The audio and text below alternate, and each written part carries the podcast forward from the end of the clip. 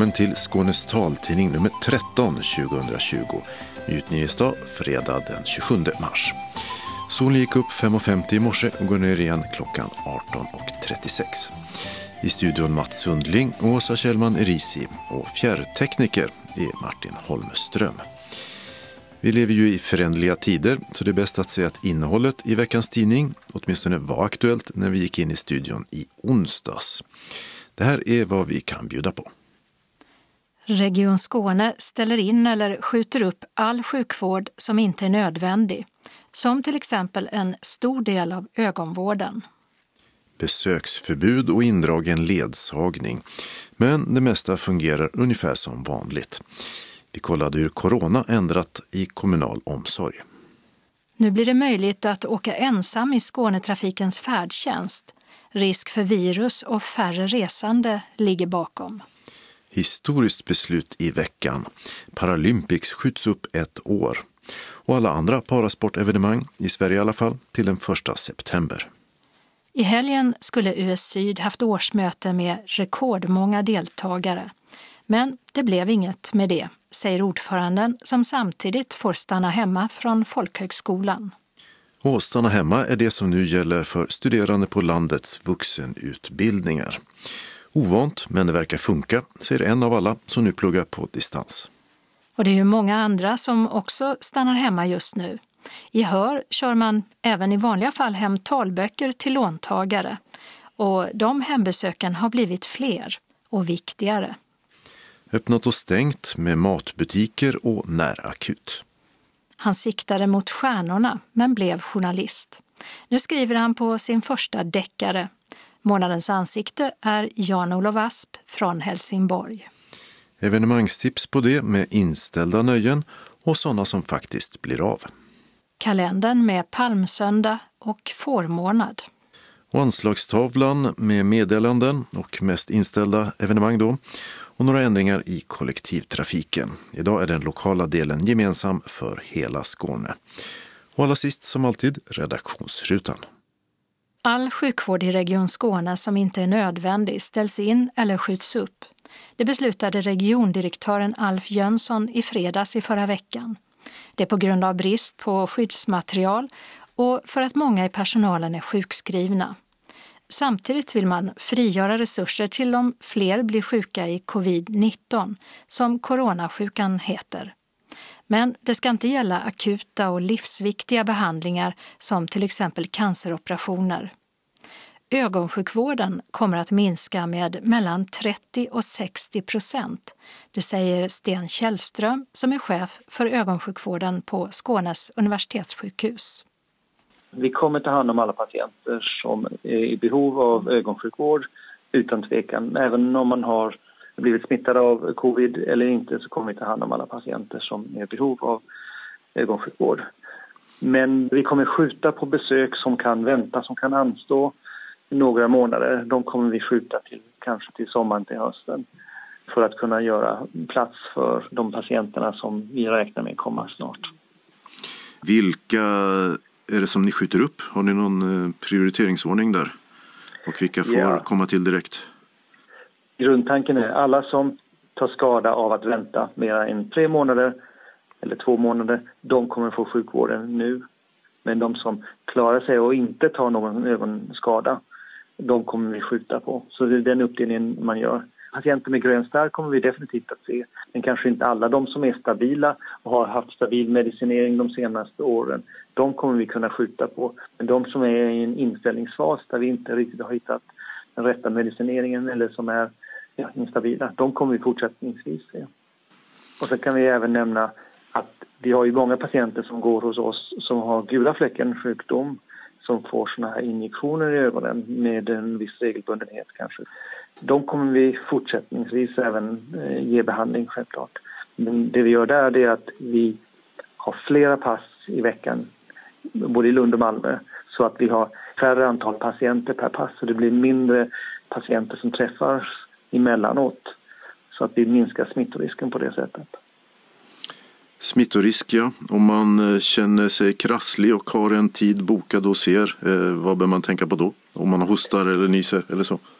Ja, om man har hosta eller övre luftvägssymptom, feber eh, så bör man undvika att komma till oss eh, eller komma till sjukvården överhuvudtaget om man inte är så att man behöver söka sjukvård självklart om det är man har andningsbesvär eller så eller, eller ögonbesvär. Är det så att man har ögonbesvär, det kan vara så att man har en näthinna som har lossnat eller någonting annat som är akut, då ska man självklart söka vården. Men man ska meddela i så fall att man har feber eller hosta. Men är det så att man har någonting som kan anstå eh, en vecka eller två, då, då är det bättre att avboka sitt besök för att minska smittorisken för övriga patienter och minska smittorisken för personalen. Hur mycket minskar ni behandlingarna här nu?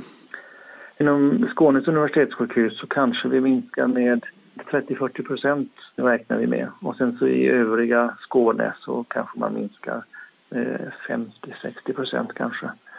Eh, just nu under de här eh, värsta månaderna.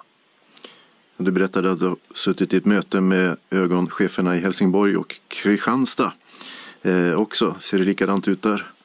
Ja, det stämmer. Det stämmer. Och eh, just nu är vi... SUS är först ut med att dra ner eh, lite hårdare. Men även Kristianstad och Helsingborg kommer att göra detta inom någon vecka förmodligen. För det handlar om en kapacitetsbrist både när det gäller material, vi måste hushålla med det materialet vi har men det är även att vi har väldigt mycket sjuk personal så vi måste också få vår personal att hålla hela vägen ut här så vi vill inte att, att de ska bli sjuka och samt att eh, varje patient som är, blir smittad här och riskerar att smitta andra, det, det vill vi ju inte heller. Så vi minskar smittorisken. Så de tre sakerna tillsammans så minskar materialförbrukningen, minskar slitaget på personalen och minskad smittorisk hos patienterna i anledningen. Sa Sten Källström som är chef för ögonsjukvården på Skånes universitetssjukhus.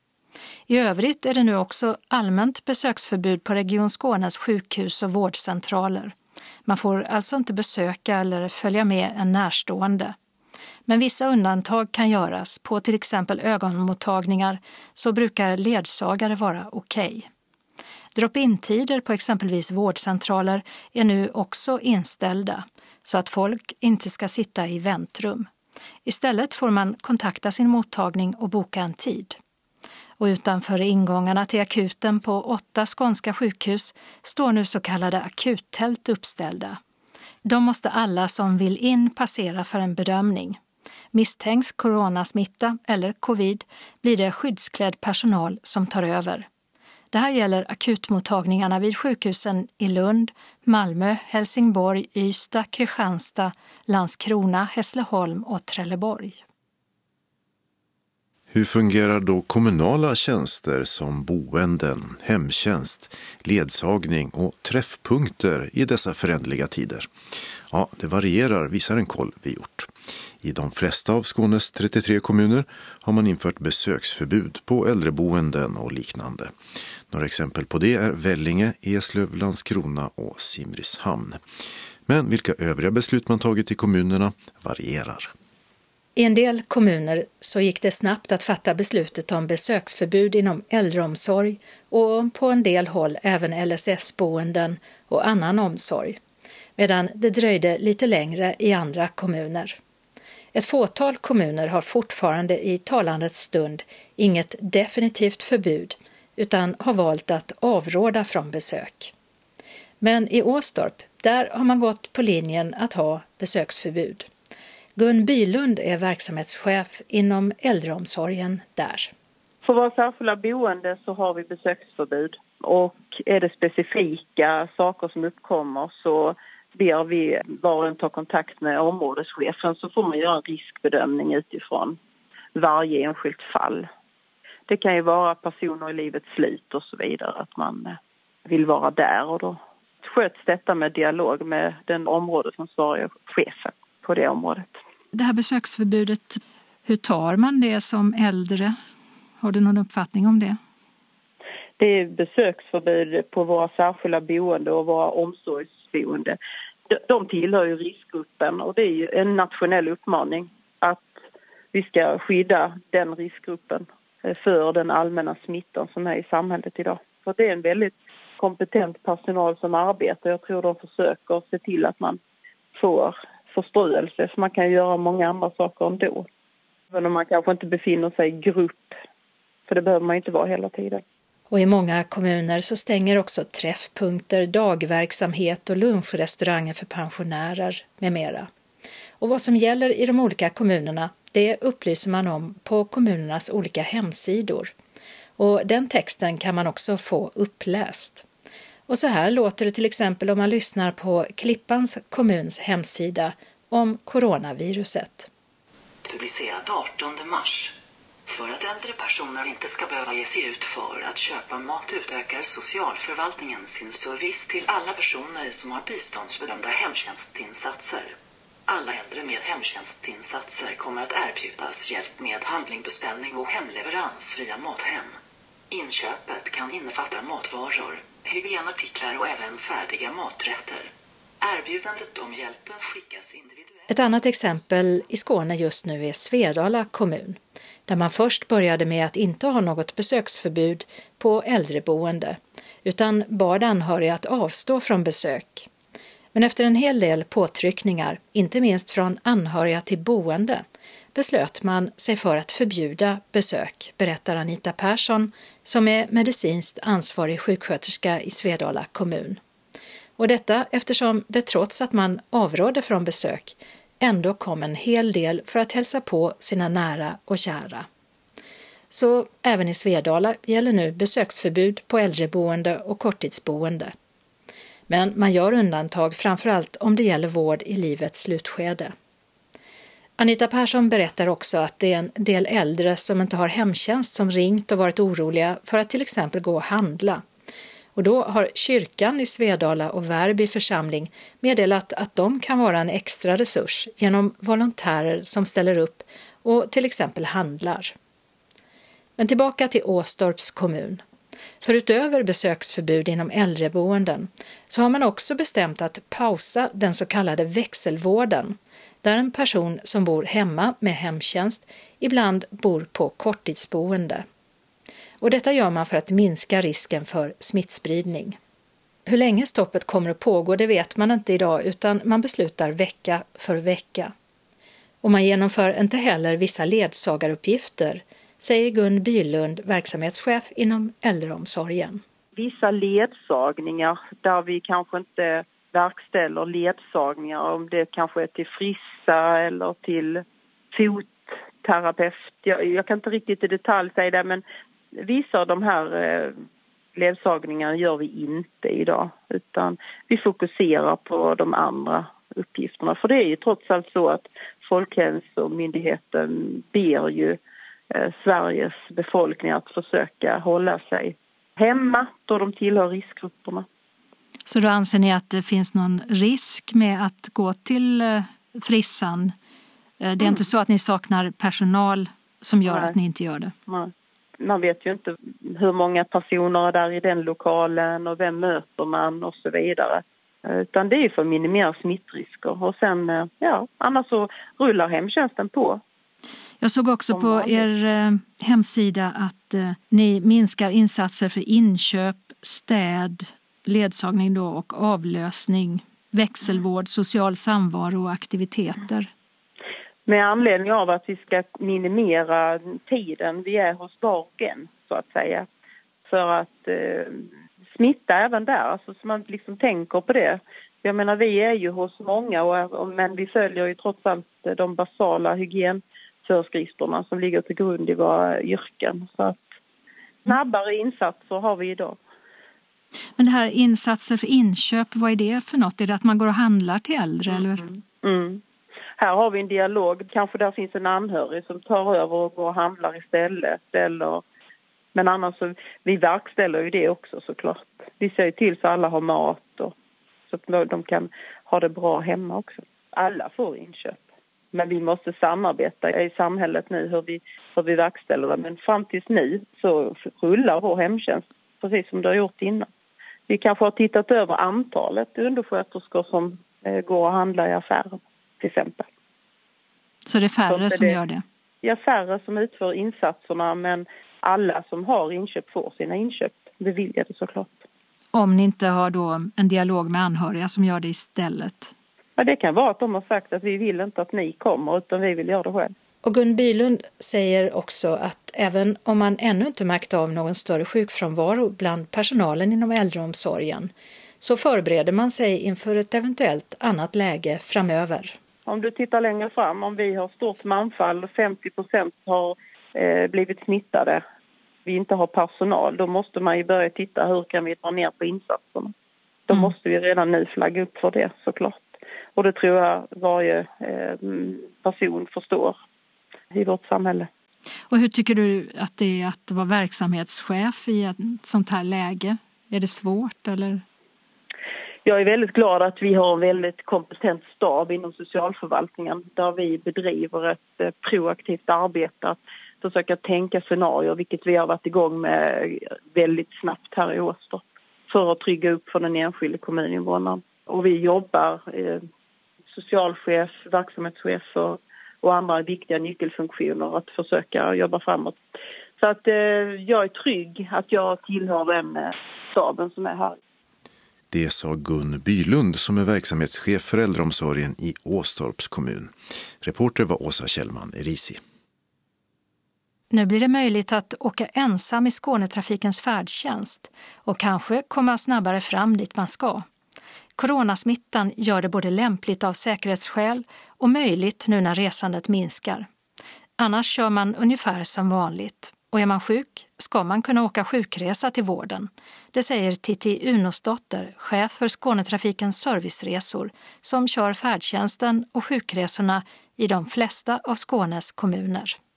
Vi kör precis som tidigare, så det är ingen skillnad. Det vi ser det är ju att, att antal resor eh, minskar. Eh, och det är dels att våra kunder inte vill exponera sig ute men det är också så att sjukvården har lämnat återbud på många besök som är inbokade sedan innan. Så att det är en naturlig eh, minskning av resorna så, som vi ser det. Hur mycket har resorna minskat jämfört med normalt? Eh, en vanlig vardag så kör vi ungefär 5 500 resor eh, per dygn och nu ligger vi på ungefär 3 000 resor per dygn. Färdtjänsten skulle ju egentligen funka mer än vad det gör kanske. Så en, en vädjan till alla att faktiskt fundera på om man måste ut och röra sig för att man är, eh, man är exponerad för en, en smitta väldigt lätt. Säkerhet och rutiner och sånt. Ni följer Folkhälsomyndighetens rekommendationer eh, mm. som mm. många andra.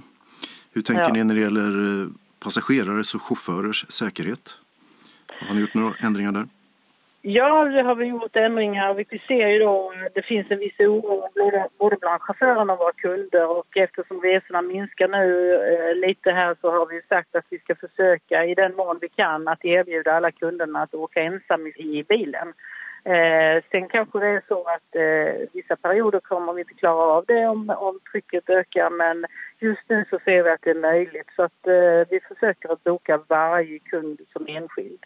Och så försöker vi göra det så mycket vi kan i den mån vi kan och under en period för att sen se om vi eh, är någonting vi ska fortsätta med efter en 14 dagar, en månad eller hur vi ser. Så vi får göra en utvärdering av det här sen. Mm. Så eh, i normalfallet då kan man hoppas på att man eh, slipper sällskap i bilen som hostar på en och att man kommer snabbare ja. fram, kanske rent av? ja, det är, det är väl tanken att det kanske bidrar med många andra orsaker, alla andra effekter också. Det får vi ju se. Det är alltid sådana här saker är viktiga att man utvärderar efteråt för att se vad, vad, vad ledde faktiskt det här till. Mm. Sjukresor kan vara av intresse för många i dessa sjukdomstider. Det kanske är en del som sitter hemma och undrar vad gör man om man blir krasslig och hur tar man sig då till vården? Eh, fortsätter ni att köra sjukresor som tidigare? Vi kör som tidigare. Det som är viktigt är ju att man eh, först och främst ringer 1177 eller sin vårdcentral och stämmer av med dem att man ska till vården. Eh, idag så är det ju så att eh, de är väldigt duktiga på att informera vem som ska in eller inte in. Och är det så att man får en tid och man ser att det är ett behov av ett läkarbesök eller en annan vårdkontakt så bokar man resan precis som vanligt hos oss och så kör vi. Färre resor var inne på. Mm. Det ska naturligtvis jämföras med hur många det är som jobbar med färdtjänst och sjukresor. Hur är det med chaufförer till exempel?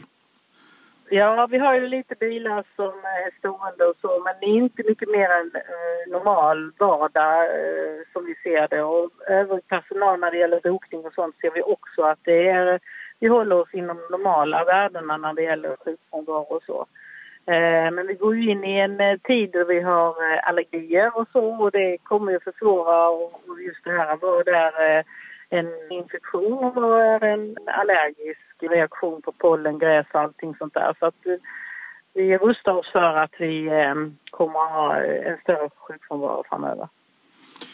Ja, framöver, vad ser du framför dig här? Har ni olika planeringsscenarier framför er? Om ifall det blir värre och så? Ja, alltså vi räknar ju med två månader här framöver. Vi jobbar i de termerna att eh, 60 till 70 dagar och så får vi liksom utvärdera över tiden. Men det är väl under den tiden som man har sett det övriga landet att eh, man har behövt ha på sig för att man ska kunna... Dels att eh, den här infektionerna, virusinfektionerna sjunker men också för att man ska ha en lång planering som är hållbar.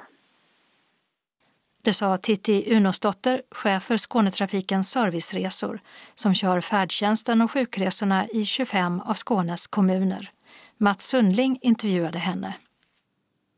Paralympics i Tokyo flyttas fram ett år på grund av den globala coronapandemin. Och alla parasportevenemang är inställda till den 1 september. I veckan beslutade internationella olympiska kommittén och den japanska regeringen att skjuta upp OS till 2021. Och då skjuts också Paralympics, som skulle börjat 25 augusti, upp till ett ännu okänt datum. Åsa Linares Norlin är ordförande för Svenska Parasportförbundet och Sveriges paralympiska kommitté. Ja, det flyttas också fram till ett, eh, för mig i dagsläget, eh, okänt datum. Vi vet inte så mycket mer än att det skjuts ett år framåt. Och det här är första gången man flyttar på ett Paralympics. Eh, OS har man flyttat på på grund av första världskriget och andra världskriget, eller ställt in då snarare. Mm. Men det har aldrig hänt Paralympics. Nej. Nej. Nej, det här är, det är en väldigt exceptionell situation som vi är i just nu när beskedet kom så var inte det så förvånande. Vi hade ju ändå tänkt tanken redan och umgås med tanken och eftersom det handlar om liv och hälsa så är det klart att ett sånt här besked är naturligtvis oerhört tråkigt för alla aktiva och ledare som hade ställt in sig på, så här, på det här men, men också fullständigt förståeligt att man behövde ta det här beslutet på en internationell nivå. Stor fråga förstås, men hur svårt är det att flytta ett OS och ett Paralympics? Ja, det är, det är så många delar som ska in. Det, det, jag, det jag tänker framför allt, förutom allt det här logistiska, det är ju också att eh, för våra aktiva som har förberett sig till ett specifikt datum eh, i augusti 2020 nu ska ställa om sig i huvudet och lägga upp sin satsning för att göra den om ett år, om man har möjlighet. Det kräver ju resurser, det kräver tid, det kräver uppoffringar eh, och eh, det är där som mina tankar är framför allt hos våra aktiva och eh, deras både besvikelse och eh, förstämning över det här, även om såklart alla fattar varför. OS-deltagare, eh, Sara Sjöström som simmare till exempel har väl inte svårt att få sponsorer men parasporten brukar ha eh, lite svårare att hitta sånt. Hur löser man ekonomin i det här, om vi tar den biten? Ja, det är ju också någonting som vi behöver titta på såklart. Men, men jag vet ju, jag, det har ju redan kommit till mig de signalerna att många har inte resurser för att köra ett år till. Eh, och eh, det är ju inte så att vi heller sitter med massa resurser heller så att det här är ju verkligen någonting som vi behöver slå våra kloka huvuden ihop nu. Eh, vi som jobbar runt parasport och paralympiska delen framför allt och se hur, hur kan vi göra det här. Ehm, jag har inga svar att ge i nuläget utan det, det jobbas för fullt med frågeställningarna så får vi återkomma till det helt enkelt.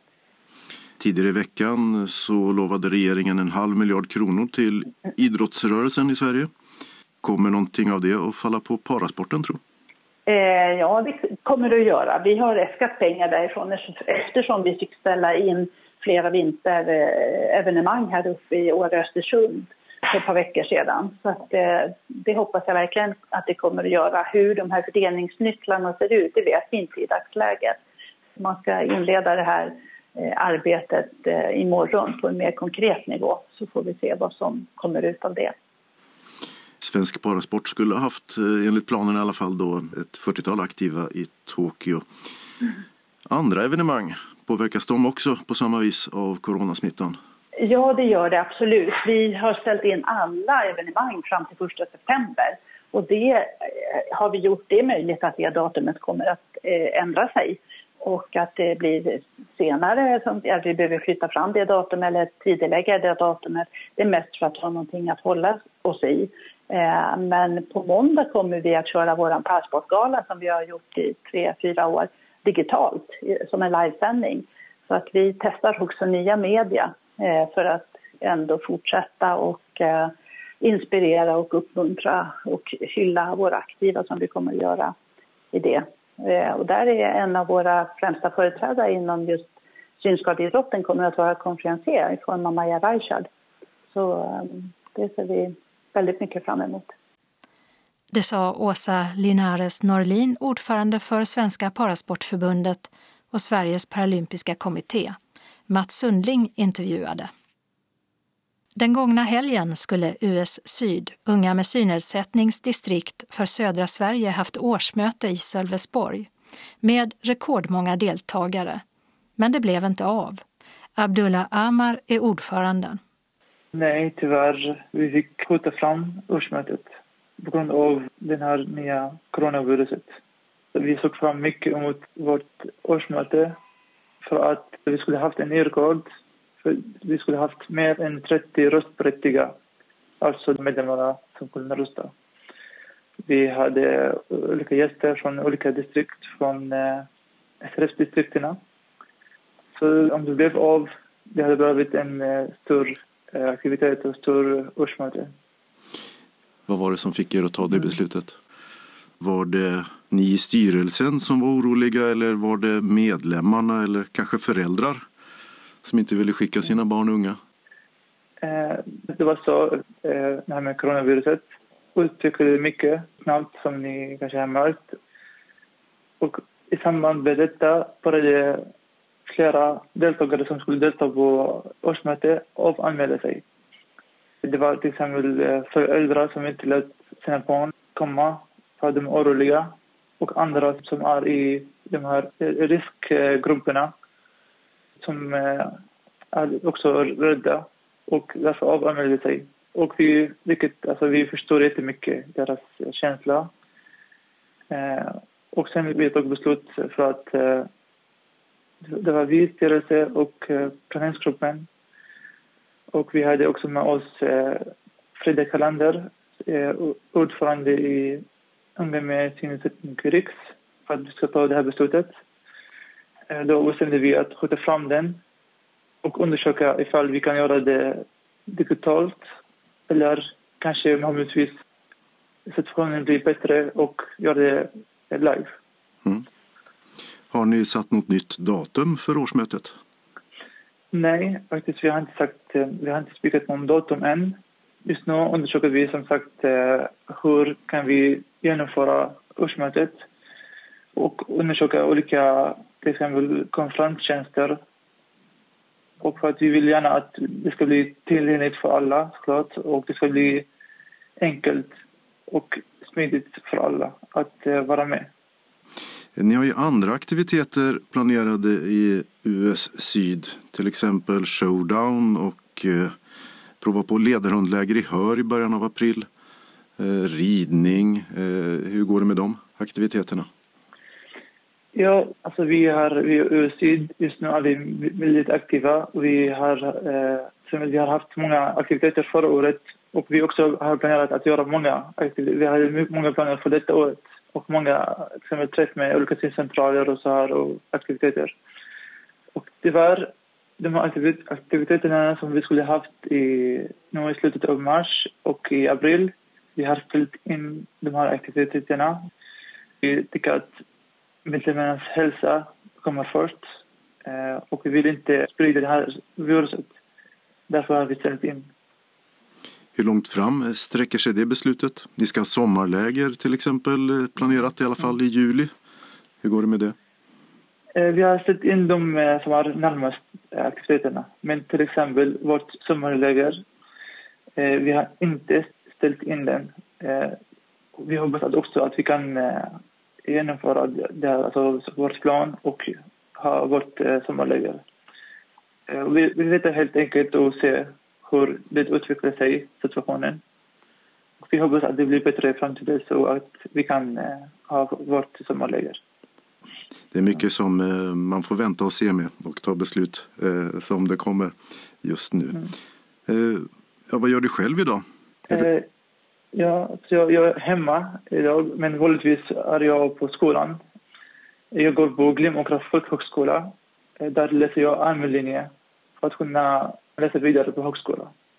Men nu på grund av eh, coronaviruset så pluggar vi hemma. Och det har vi gjort också förra veckan. Och det blir med mycket digitalt arbete. Ja, hur går det? Det svarar såklart.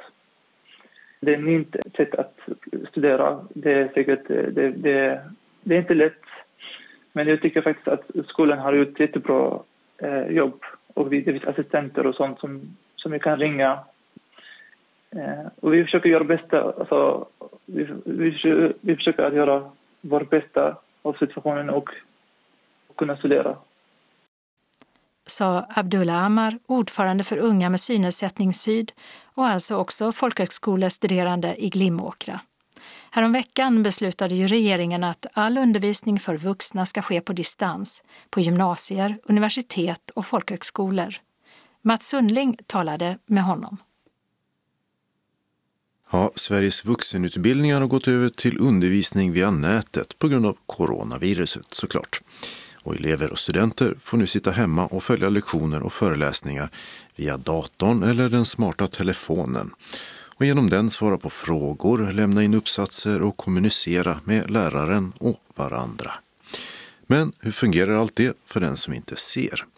Vi frågade Tertama som studerar juridik vid Lunds universitet och som precis börjat följa undervisningen hemifrån. Ja, nu är ju föreläsningarna på distans då. Då får man sitta vid datorn eller vid telefonen och lyssna. Så det är det jag gör. Och på en vanlig föreläsning när man är på plats då kan man ju ställa frågor. Är du uppkopplad mot föreläsningssalen också på det sättet att du kan prata med dem? Precis, för det är en livesändning så att säga. Så föreläsaren sitter ju där och pratar så får man trycka på en räcka upp handknapp och så finns det en chattfunktion och om man vill så kan man till och med koppla upp sig med mikrofon och allt. Och hur tycker du att det fungerar? Vi började i torsdags så jag har inte kommit underfund med allting än. Men tekniskt ska det nog funka. Och när du fick höra att ni skulle gå över till digitalt, hur tänkte du då? Och lite så här tveksam att man skulle hänga med på allting och sådär. Men det verkar funka. Hur tror du att det kommer att vara i fortsättningen under terminen? För det här ser ju ut att fortsätta. Eh, nu har liksom eh, det här med vardag och helg har ju suddats ut lite. Det är ingen vardag och helg längre. Panikvakna faktiskt i, för två timmar sedan och bara nej, nu har jag missat eh, Föreläsningar? och så kom jag nej det är söndag. så att eh, jag kommer väl vara hemma och lyssna på föreläsningar och delta i gruppchattar för att liksom eh, vara med i grupparbetena. Det kommer att vara väldigt mycket egna studier och med böcker och Ställer det till det för dig? Kommer det att vara svårare att följa studien? Alltså, det är ju svårare, det är mäckigare att ställa frågor och sådär. Och eh, det är en ny kurs så jag har inte pratat med lärarna och då eh, har de inte varit så duktiga på att förklara bilder. Det innebär alltså att i vanliga fall så instruerar du lärarna hur de ska ja. undervisa dig men det är svårare nu alltså? I princip är det en ny doktorand varenda vecka. Då brukar jag gå fram och bara hej, du vet att du ska förklara bilder och sådär. Jag har inte koll på vilka lärare det är. Så att eh, jag ska nog börja skicka mejl istället. Så du behöver inte bryta in och säga hallå, du måste förklara den här bilden? Helst gör jag inte det. Jag behöver koncentrera mig på att lyssna. Är du orolig eller känner du tillförsikt eh, inför terminen som den nu fortsätter? Jag är inte orolig. Det kommer nog lösa sig. Hur ser du på smittrisken för egen del som synskadad? Jag tycker inte att det är så farligt egentligen för det, alltså, nu när man inte träffar så mycket folk så är det nog ingen större risk. Och... Går du ut mindre förutom att du inte åker till universitetet? Nej, jag är, går ut och rastar med dem som vanligt och sådär. Eh, min ledarhund alltså. Det sa Ter Tomma, juridikstuderande vid Lunds universitet. Och även sina tentamina kommer han att göra via nätet. Däremot så ligger inte föreläsningarna kvar så att studenterna kan ta del av dem efteråt. Det var Dodo Parkas som pratade med Tertama i söndags. Talboken är viktig för många, men kanske ännu mer just nu när äldre, sjuka och många andra rekommenderas att hålla sig hemma.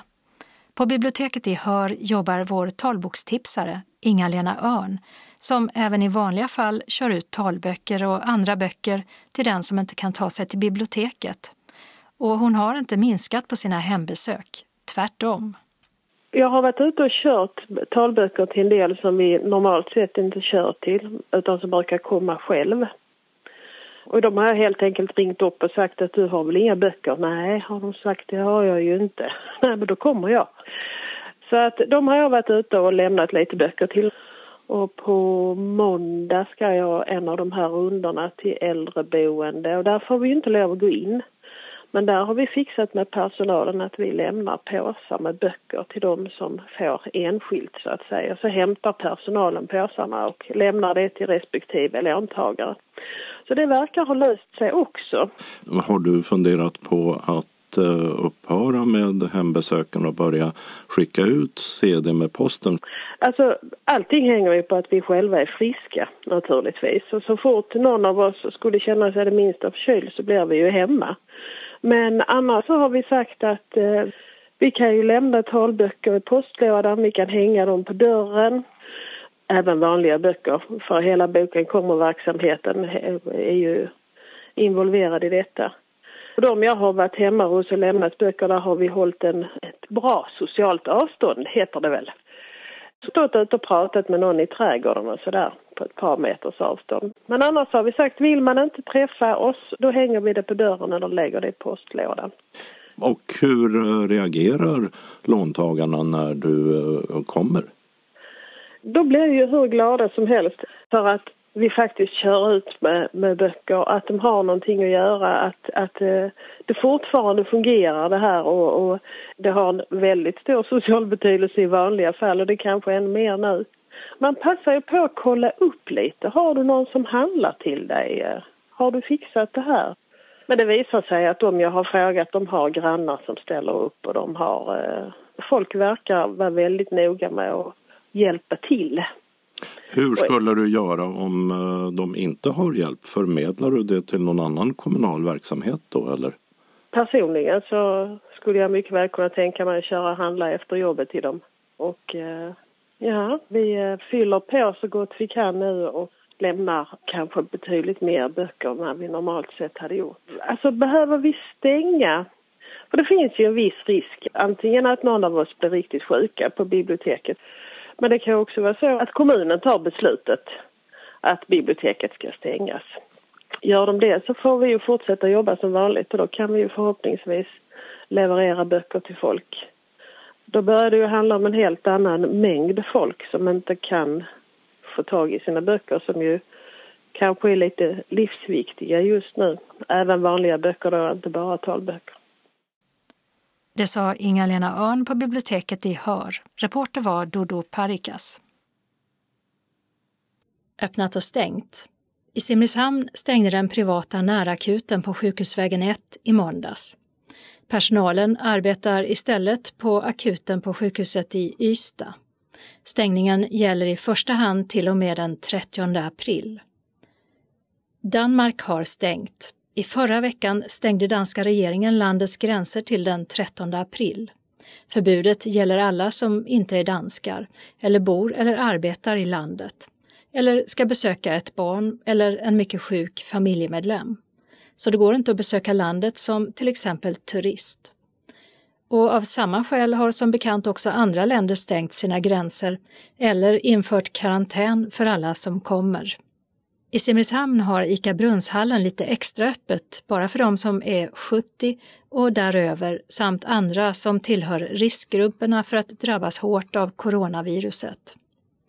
På tisdagar och torsdagar öppnar butiken nu redan klockan sju mot normala åtta. Och detsamma gör fler butiker i andra kedjor som Coop och Hemköp och runt om i Skåne eftersom de ändå har personal på plats för att ta emot varor. Den som är intresserad av att handla extra tidigt kan ju alltid höra med sin butik om det är möjligt också där. Hotell och restaurangbranschen har det svårt just nu, när många avstår från besök. Flädiga mat och vingård gick den gångna veckan i konkurs och stängde. Samma bolag drev också restaurangen på Kulturen i Lund och i kallbadhuset på Långa bryggan i Bjärred. Och de stänger de också.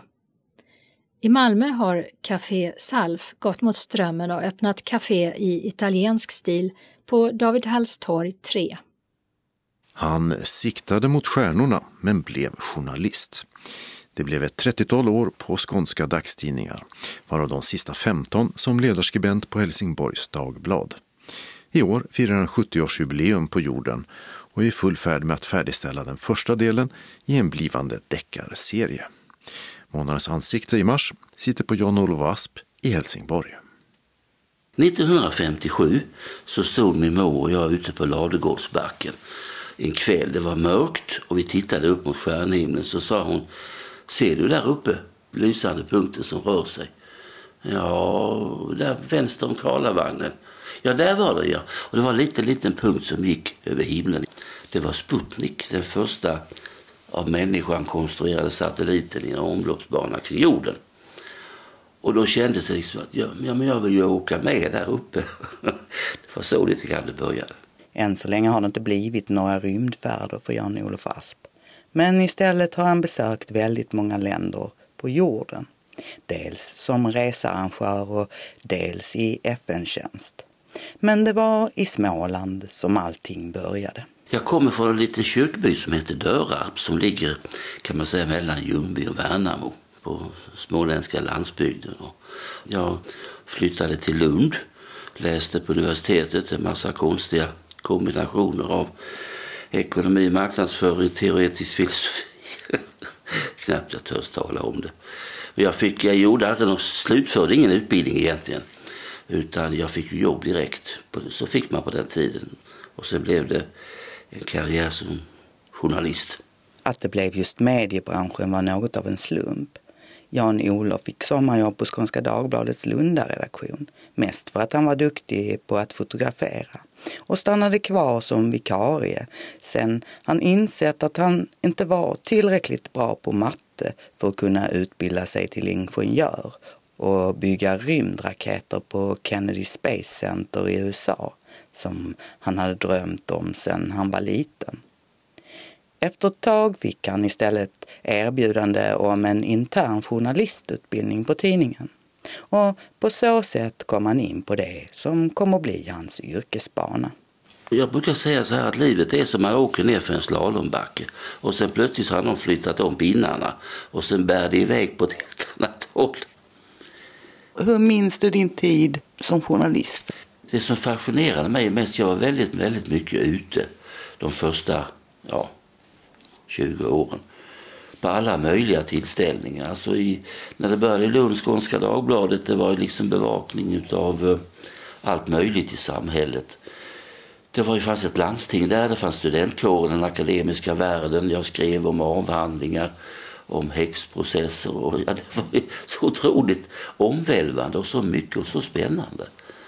Men även om det var spännande att bevaka Lund så längtade Jan-Olof efter en annan sorts spänning och ville ut i världen. Så efter fem år på Skånska Dagbladet beslöt han sig för att göra FN-tjänst. Och det blev två perioder som så kallad stabsredaktör på på Västbanken. Man jobbade ju, man reste runt och gjorde intervjuer med killarna och, och det var jätteroligt. Jag åkte runt där och så och det var ju lugnt läge. Men andra gången så invaderade israelerna södra Libanon och skulle jaga iväg PLO-gänget där. Och då eh, blev det vapenstillestånd och då skickade de upp ett svenskt kompani ifrån Sinaiöknen och där var jag med upp då. Och där var det lite, small lite då och då. Ja, sånt. Och när man kom ut då och såg eh, hur människorna levde, till exempel Libanon, Palestina, Israel. Det var ju en betydligt lägre levnadsstandard, det säger sig själv. Men framförallt, det var ju tuffa villkor. Människorna, de hade ju blivit hårdare. Jag pratade ju mycket med både israeliska soldater och palestinier och PLO, alltså palestinska befrielserörelsen som fanns på den tiden. Och det fanns en, en, en slags oförsonlighet som skrämde mig. Jag sa, men kan inte komma överens om och eh, prata med varandra? Nej, så det gick ju inte. Det var de där, det var deras fiender och nej, de kan man inte lita på. Så där fick jag en tankeställare att världen ser ju lite annorlunda, eller mycket annorlunda ut utanför Sveriges gränser. Det lärde jag mig då. Men sen när du kom tillbaka till Sverige um, så fortsatte du som journalist eller? Ja, det gjorde jag. Och då hade jag ju slutat på Skånska Dagbladet så då sökte jag ett sommarjobb på Helsingborgs Dagblad, HD. Och fick det direkt som redigerare och sen blev jag nattchef där. Och så eh, blev det en ekonomibevakning, intervjua företagare och se villkoren i, i, i företagslivet. Och eh, det höll jag på med rätt länge. Och därefter så, de sista 15 åren nästan, blev det ju, var jag ledarskribent, politisk redaktör. Hur var det då? Det var väldigt intressant eh, för att eh, först och främst hade jag aldrig tänkt mig att jag skulle bli eh, ledarskribent. Jag, nej, men det passar ju inte mig. Men eh, Sven-Åke, min chefredaktör, han gav sig inte. Så du kan väl eh, tänka efter. Ja, så okej, okay, då gör vi det. Och det passade mig alldeles utomordentligt bra. Man såg ju att när man tittade bakom kulisserna, bakom politiska utspel, bakom företagsledare som pratade om eh, ja, neddragningar och förändringar och uppköp och funktioner, så fanns det ju en annan agenda bakom. Och det var den som var intressant att plocka fram. Och det var tillfredsställande att kunna berätta så att säga, sanningen. Va? Jag brukade säga så här att eh, när man gör research, det är precis som man bygger upp ett stort moln som tar fem sex timmar. Och sen gäller det då att krama ur det där molnet, det allra viktigaste, och koncentrera det i en text. Och det är en utmaning varje dag.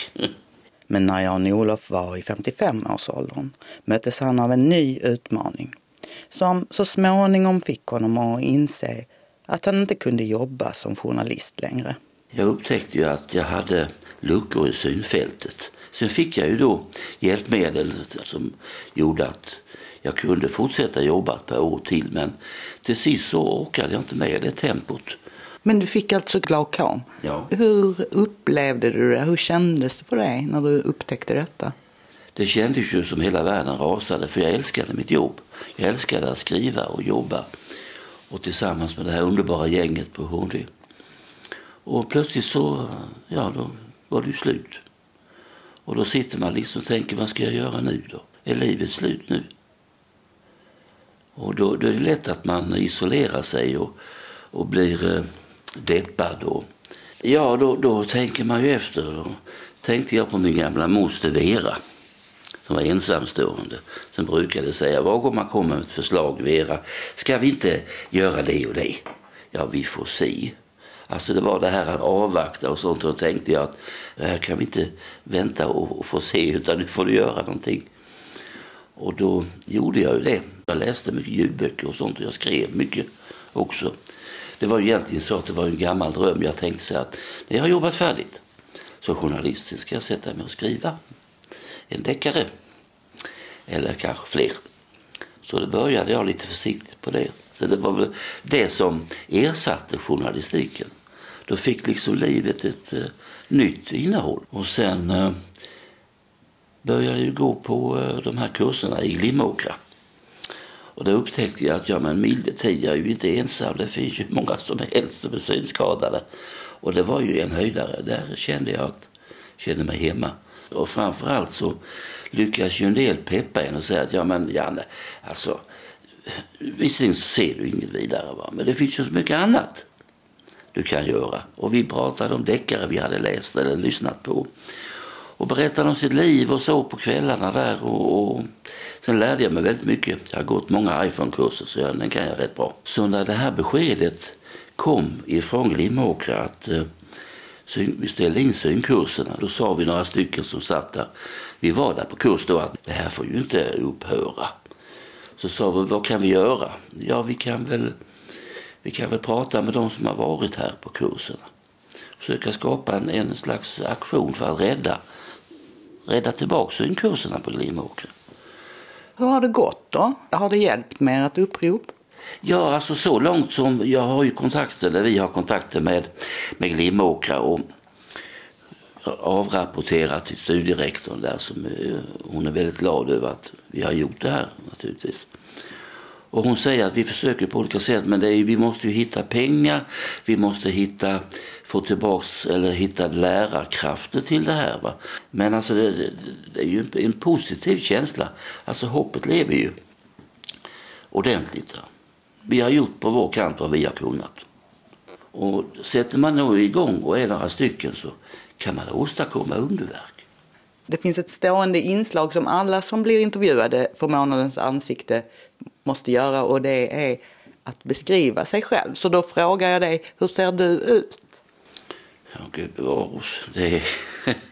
Jag har fyllt 70 år. Jag är 1,75 lång, lite tunnhårig, kortklippt, har ett litet sånt här skägg som går runt munnen. Eh, lite överviktig för att uh, jag slutade röka för fem år sedan och då äter man lite mer. Ja, ögonen ska vara grönblå.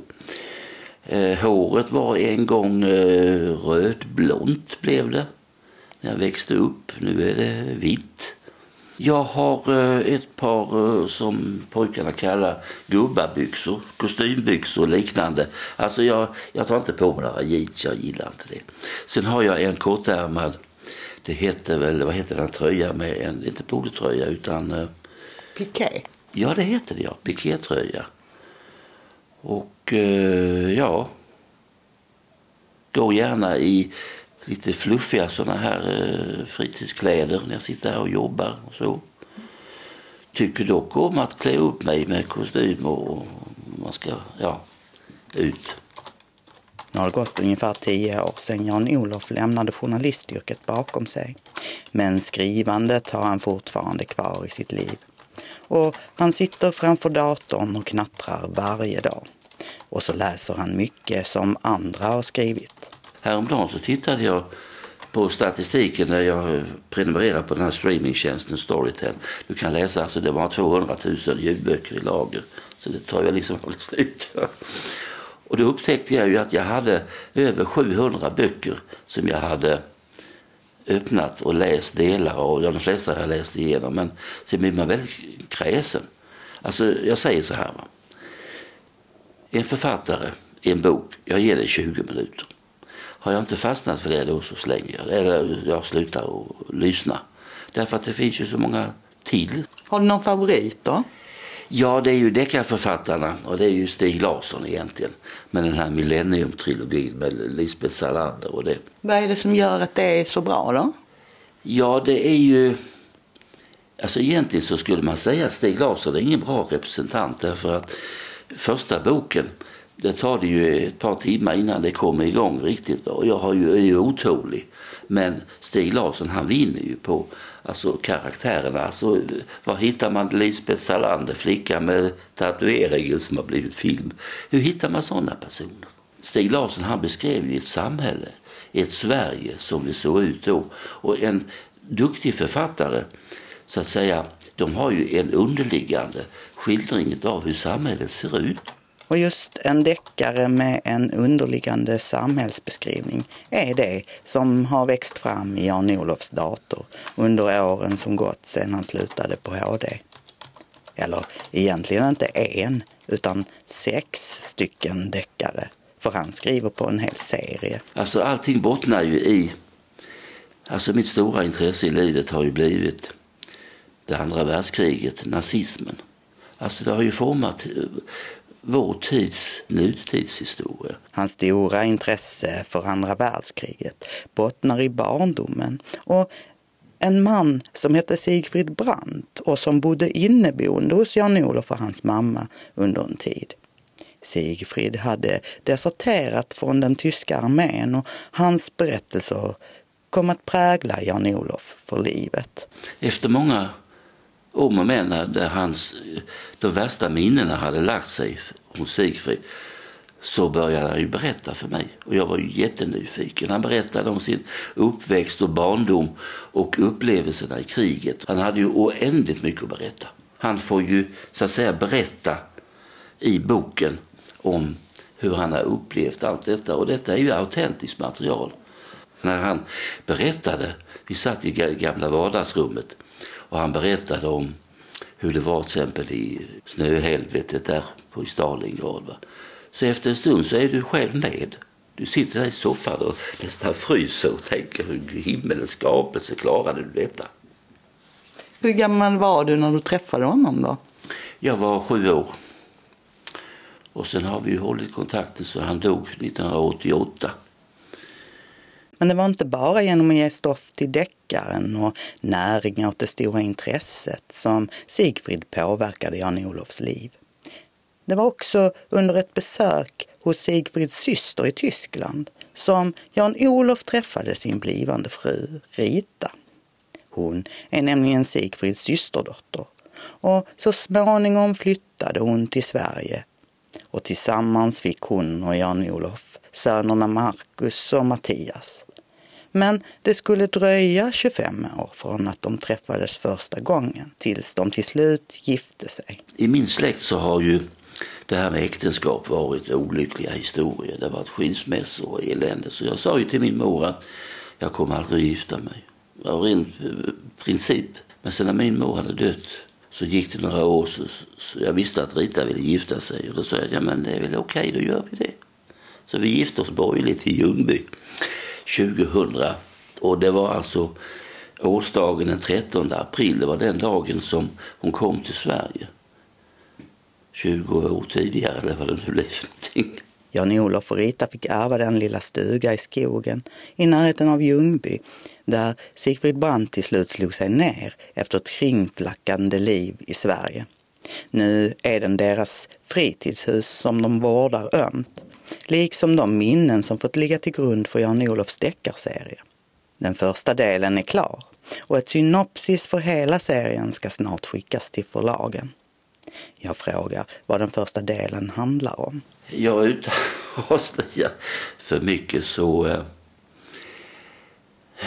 det försvinner först en flicka, en tonårsflicka. Sen försvinner det en flicka till och en flicka till. Detta är alltså handling uppe i Småland. Och det visar sig att de här flickorna de har mer eller mindre lurats in med droger och med hot och så vidare att delta i filminspelningar. Alltså det, det är alltså rena rama porrfilmer där eh, de manliga skådespelarna som egentligen är nazister, de klär upp sig i svart SS-uniform och sen har de då eh, är tillsammans med de här unga blonda, alltså ariska flickor. Va? Nu kommer vi in på temat här, nazismen och människosynen. Och det är det som, när jag beskriver detta så ser jag ju paralleller i vårt eget samhälle nu för tiden. Delar utav den här människosynen finns ju kvar. Varför heter den Karlavagnen då? Jo, det är namnet på ett ordenssällskap mm. som skapades av SS-chefen Heinrich Himmler med en särskild uppgift att eh, leta upp den ariska rasen, alltså bevisen för att den hade funnits. Så det har ingenting att göra med ditt rymdintresse då? Eh, ja och nej. det var ju så här att Hitler hade ju sina V-raketer, terrorvapnen, som månraketen senare byggdes upp kring. Det är alltså samma teknik. Och den chefsingenjören där, Werner von Braun, han blev ju engagerad, alltså amerikanerna hämtade ju över honom till USA. Och det var han som sen då, det här tyska raketgeniet som började bygga upp rymdforskningen i USA. Så där finns ju liksom en koppling till till rymdforskningen. Va? Och det, det kom också fram i boken. Här. Så allting hänger ihop lite för dig ändå, eh, det där med Kennedy Space Center och... Ja, det gjorde eh. det. Från alltså, som jag sa, ute i 4 oktober 1957, Sputniken som gick och fascinerade. Jag fastnade ju för detta. Jag ville, jag vill åka med där uppe någon gång. Va? Och det var ju så intresset började. Och efter 62 år, alltså i höstas, så åkte vi ju, mina två pojkar och jag. Och då plötsligt efter 62 år så stod jag på det här Kennedy Space Center och tårarna rann och alla minnen kom upp och så. Och på sätt och vis så hänger ju deckarserien samman med detta också. Så det har ju färgat mycket av mitt liv, det här intresset. Så därför så rann tårarna på i Florida. För du trodde aldrig att du skulle komma dit eller? Nej, aldrig. Och det var väl också som vanligt i livet. Plötsligt så ändrade slalombacken riktningen. Och så sa Markus till mig, vi hade pratat mycket om att vi skulle åka till USA. Och då sa han, pappa ursäkta men eh, ska, du, eh, ska vi åka dit som vi har pratat om så kanske vi skulle göra det rätt så snart. Man vet inte hur mycket du ser imorgon. Och då plockade jag fram pengar och sen åkte vi dit. Det var ju tur det för Trump har ju stängt USA. Ja, precis.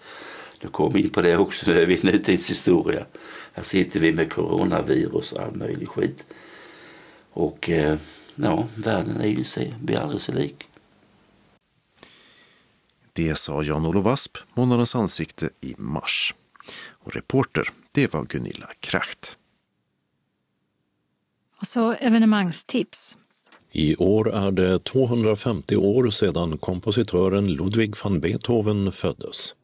Och ett av vårens stora musikevenemang i Helsingborg detta jubileumsår skulle ha varit hans mässa Missa Solemnis nu på söndag 29 mars i Sankta Maria kyrka. Konserten planeras istället att ske i höst eller jul. Generellt gäller devisen Vi ställer inte in, vi ställer om för Svenska kyrkans verksamhet som anpassas efter myndigheternas rekommendationer. Kyrkorna hålls öppna så långt det är möjligt men antalet deltagare i arrangemangen minskas efter vad myndigheterna bestämmer. Malmö Live ställer in eller flyttar fram alla sina konserter inför publik. För närvarande är planen att detta ska gälla till och med sista april. Istället så erbjuds gratis livestreamade konserter med delar av Malmö symfoniorkester MSO via hemsidan malmolive.se. Det här sker på MSOs ordinarie konserttid torsdagar 19.00 med reservation för ändringar. Malmö stadsteater de kommer inte att spela alls under resten av mars eller i april. Hur det blir sen vet man inte all publik som har biljetter till någon av de inställda föreställningarna kommer att kontaktas. Stadsteatern planerar också att filma sin föreställning om Molières Tartuffe och lägga ut den på sin hemsida malmostadsteater.se. Föreställningen Halva månen av Roland Schimmelpfennig som är inplanerat på Intiman i vår hoppas man kunna ha premiär på i slutet av maj inför publik. Och de skolor och personer som köpt biljetter till ögonvittnen med berättelser av överlevare från Förintelsen kommer att kunna ta del av den via nätet. Helsingborgs stadsteater har för närvarande ställt in sina föreställningar och byter, löser in eller erbjuder biljetter till en kommande föreställning med tillgodokvitto om man så önskar. Teatern hoppas kunna spela Macbeth, Making a Murderer, igen med publik och start den 16 april.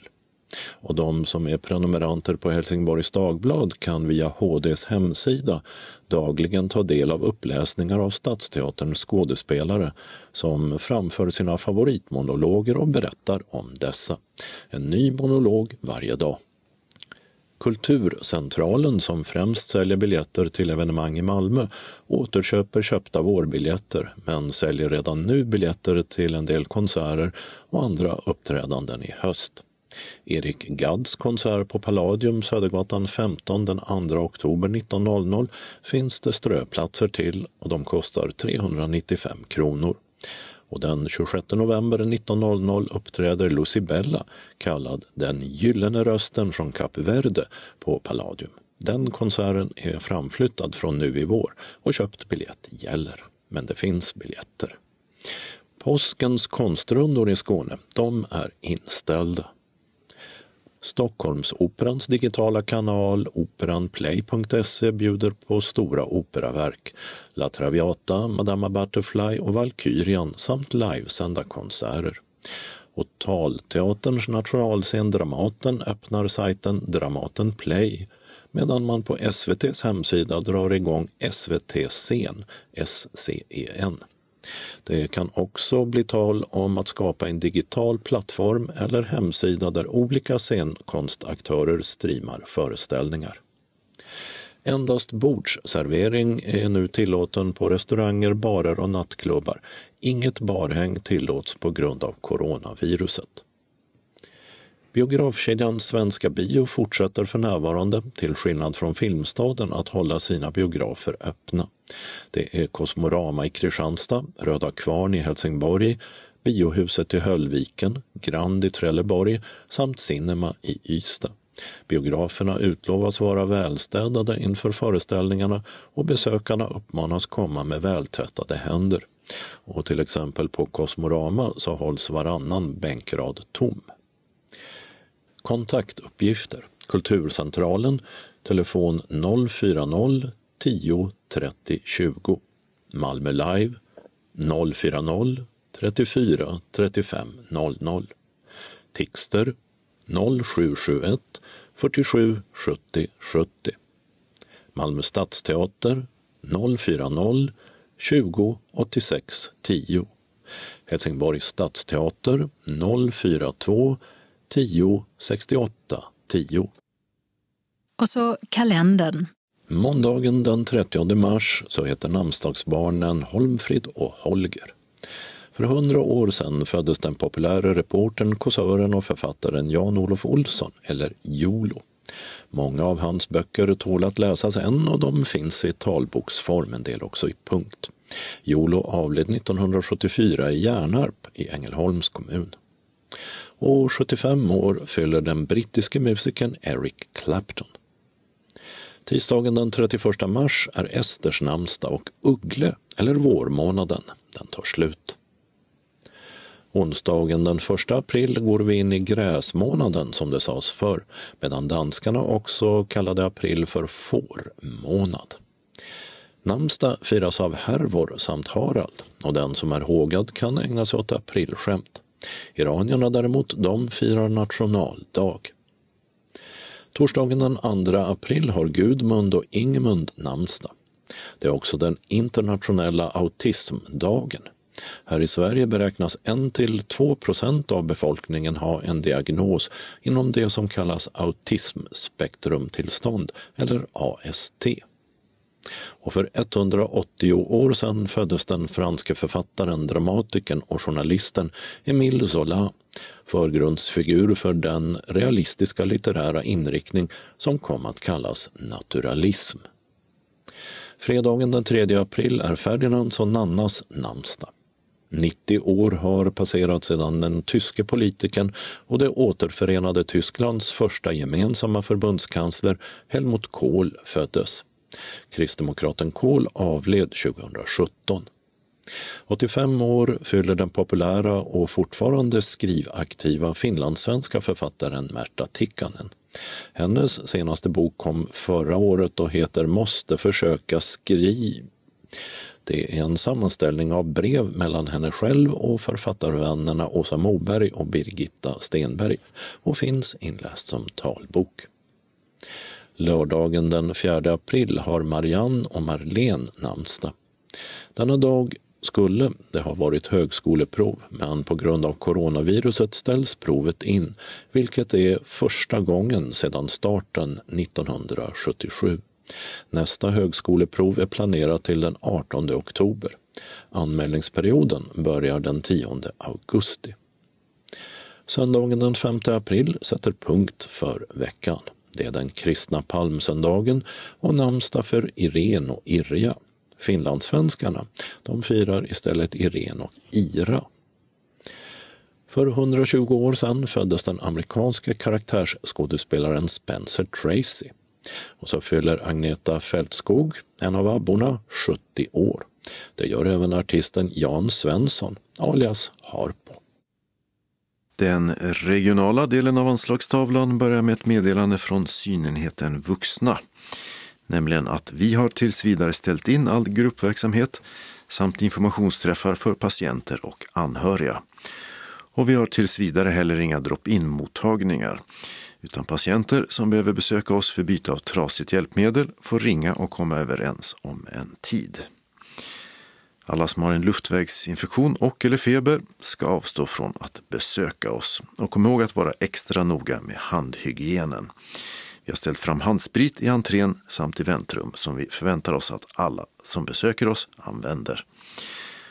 Och detta gäller hos synenheten vuxna i dagsläget. Vi följer hela tiden utvecklingen i landet och i regionen och de restriktioner och rekommendationer som kommer, vilket gör att det kan komma förändringar. Synenheten barn och ungdom samt dövblindenheten meddelar följande. Vi följer de riktlinjer vi får. För närvarande gör vi inte några förändringar gällande stöd och service. Allt fungerar som förut. En del av medarbetarna är dock hemma på grund av sjukdom eller vab, så verksamheten är något reducerad. Alla, även barnen, uppmanas att tvätta eller sprita händerna vid besök hos oss. Är de förkylda eller har varit i andra länder som är i karantän behöver de återkomma när de är friska. Och vissa skolor har besöksförbud och då kan inte vi utföra våra insatser där.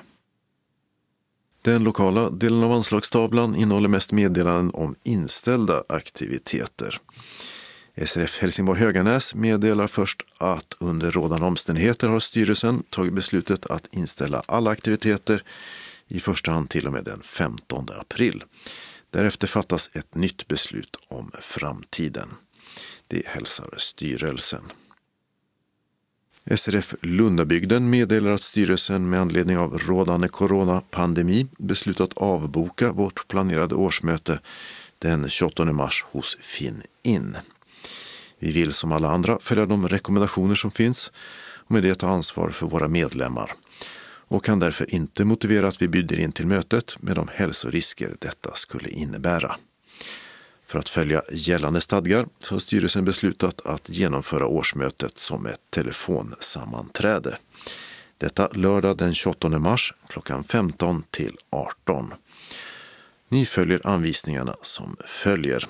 Ring 08-120 490 20. Deltagarkoden som sen slås är 1530 fyrkant 3. Mötet startar när första deltagaren eller ordföranden ringt in. Deltagaravgifter inför årsmötet som redan inbetalats kommer att tillgodoräknas de som inbetalat 100 kronor per deltagare. Och samtliga SRF Lundabygdens verksamheter är inställda mars och hela april månad ut på grund av samma pandemi. Kansliet kommer att vara bemannat i vanlig ordning om ni undrar över något. Vi återkommer med datum för ett nytt möte i september. Som alltid är ni välkomna att höra av er till styrelsen med era tankar och synpunkter. Många hälsningar. Styrelsen för SRF Lundabygden genom Rune Persson, ordförande. Malmö stad och dess färdtjänst meddelar att från den 1 april kommer Skånetrafiken att ta över sjukresorna i egen regi. Det betyder att du som ska beställa en sjukresa ska ringa direkt till Skånetrafikens beställningscentral på telefonnummer 0771 77 44 11. Under en övergångsperiod kommer det att gå att ringa till Malmö stads beställningscentral för sjukresor på 040-34 55 20 som tidigare. Då vidarekopplas samtalen direkt till Skånetrafiken. Och detta kommer också att informeras om när du ringer. Vidarekopplingen upphör den 1 juni i sommar och därefter gäller telefonnumret som alltså är 0771 77 44 11. En hänvisning kommer att finnas kvar på det gamla numret till den 31 augusti. Färdtjänsten i Malmö stad påverkas inte av detta och inget kommer heller att förändras vad gäller kostnad eller fakturering. Synskadades förening SRF Malmö meddelar sina medlemmar att styrelsen på grund av den rådande situationen när det gäller coronaviruset har beslutat att ställa in all verksamhet till och med den 30 april. Det gäller både dagverksamhet, kurser och andra evenemang som tjejträff och påsklunch. Styrelsen kommer vid sitt sammanträde den 14 april att ta ställning till hur det blir efter den sista april och meddela detta via Skånes taltidning. Om du ringer till kansliet kommer telefonen att vidarekopplas till Per-Arne Andersson. Personalen kommer helt eller delvis att jobba hemifrån. Efter styrelsens sammanträde den 14 april kommer även ny information om hur det blir resten av våren och sommaren. Med vänliga hälsningar, styrelsen. SRF Ringsjöbygden meddelar att trivselmötet tisdag den 31 mars på Karidal i Eslöv är inställt. Det hälsar styrelsen. Och Synskadades förening SRF Trelleborg med omnejd meddelar att styrelsen har tagit beslut om att den planerade aktiviteten i april är inställd.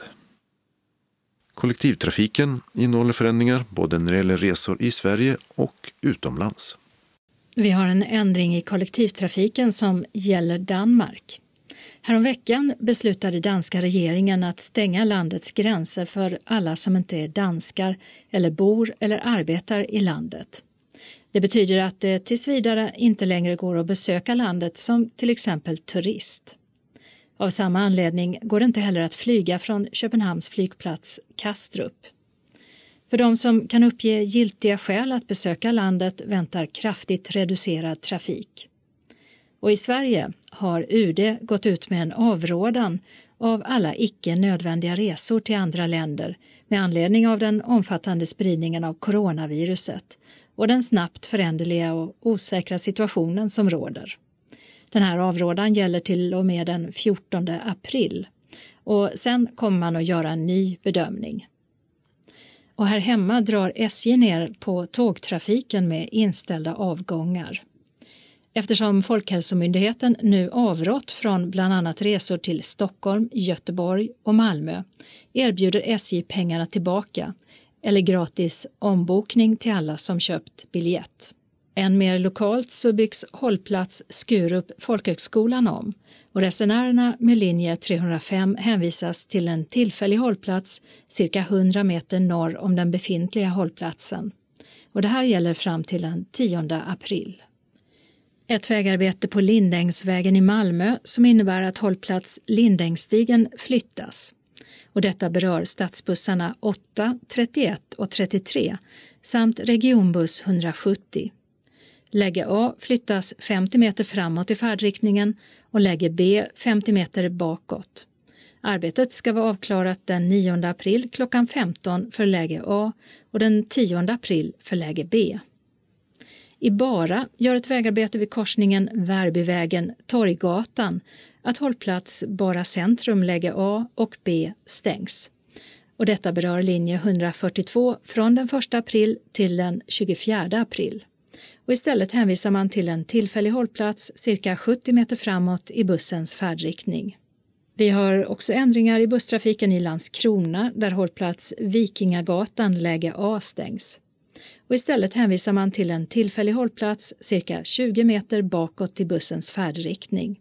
Och så kommer det att vara fram till den 1 juni. Och det var det vi hade att bjuda på i veckans Skånes taltidning. Nästa nummer kommer nästa vecka, den 3 april. Skånes taltidning ges ut av Region Skånes psykiatri och habiliteringsförvaltning. Ansvarig utgivare är Martin Holmström. Postadress Jörgen Ankersgatan 12, 211 45 Malmö. Telefon 040-673 0970. E-post Skanes taltidning snabela skane.se och hemsida skanestaltidning.se. Vi hörs igen. Hej då!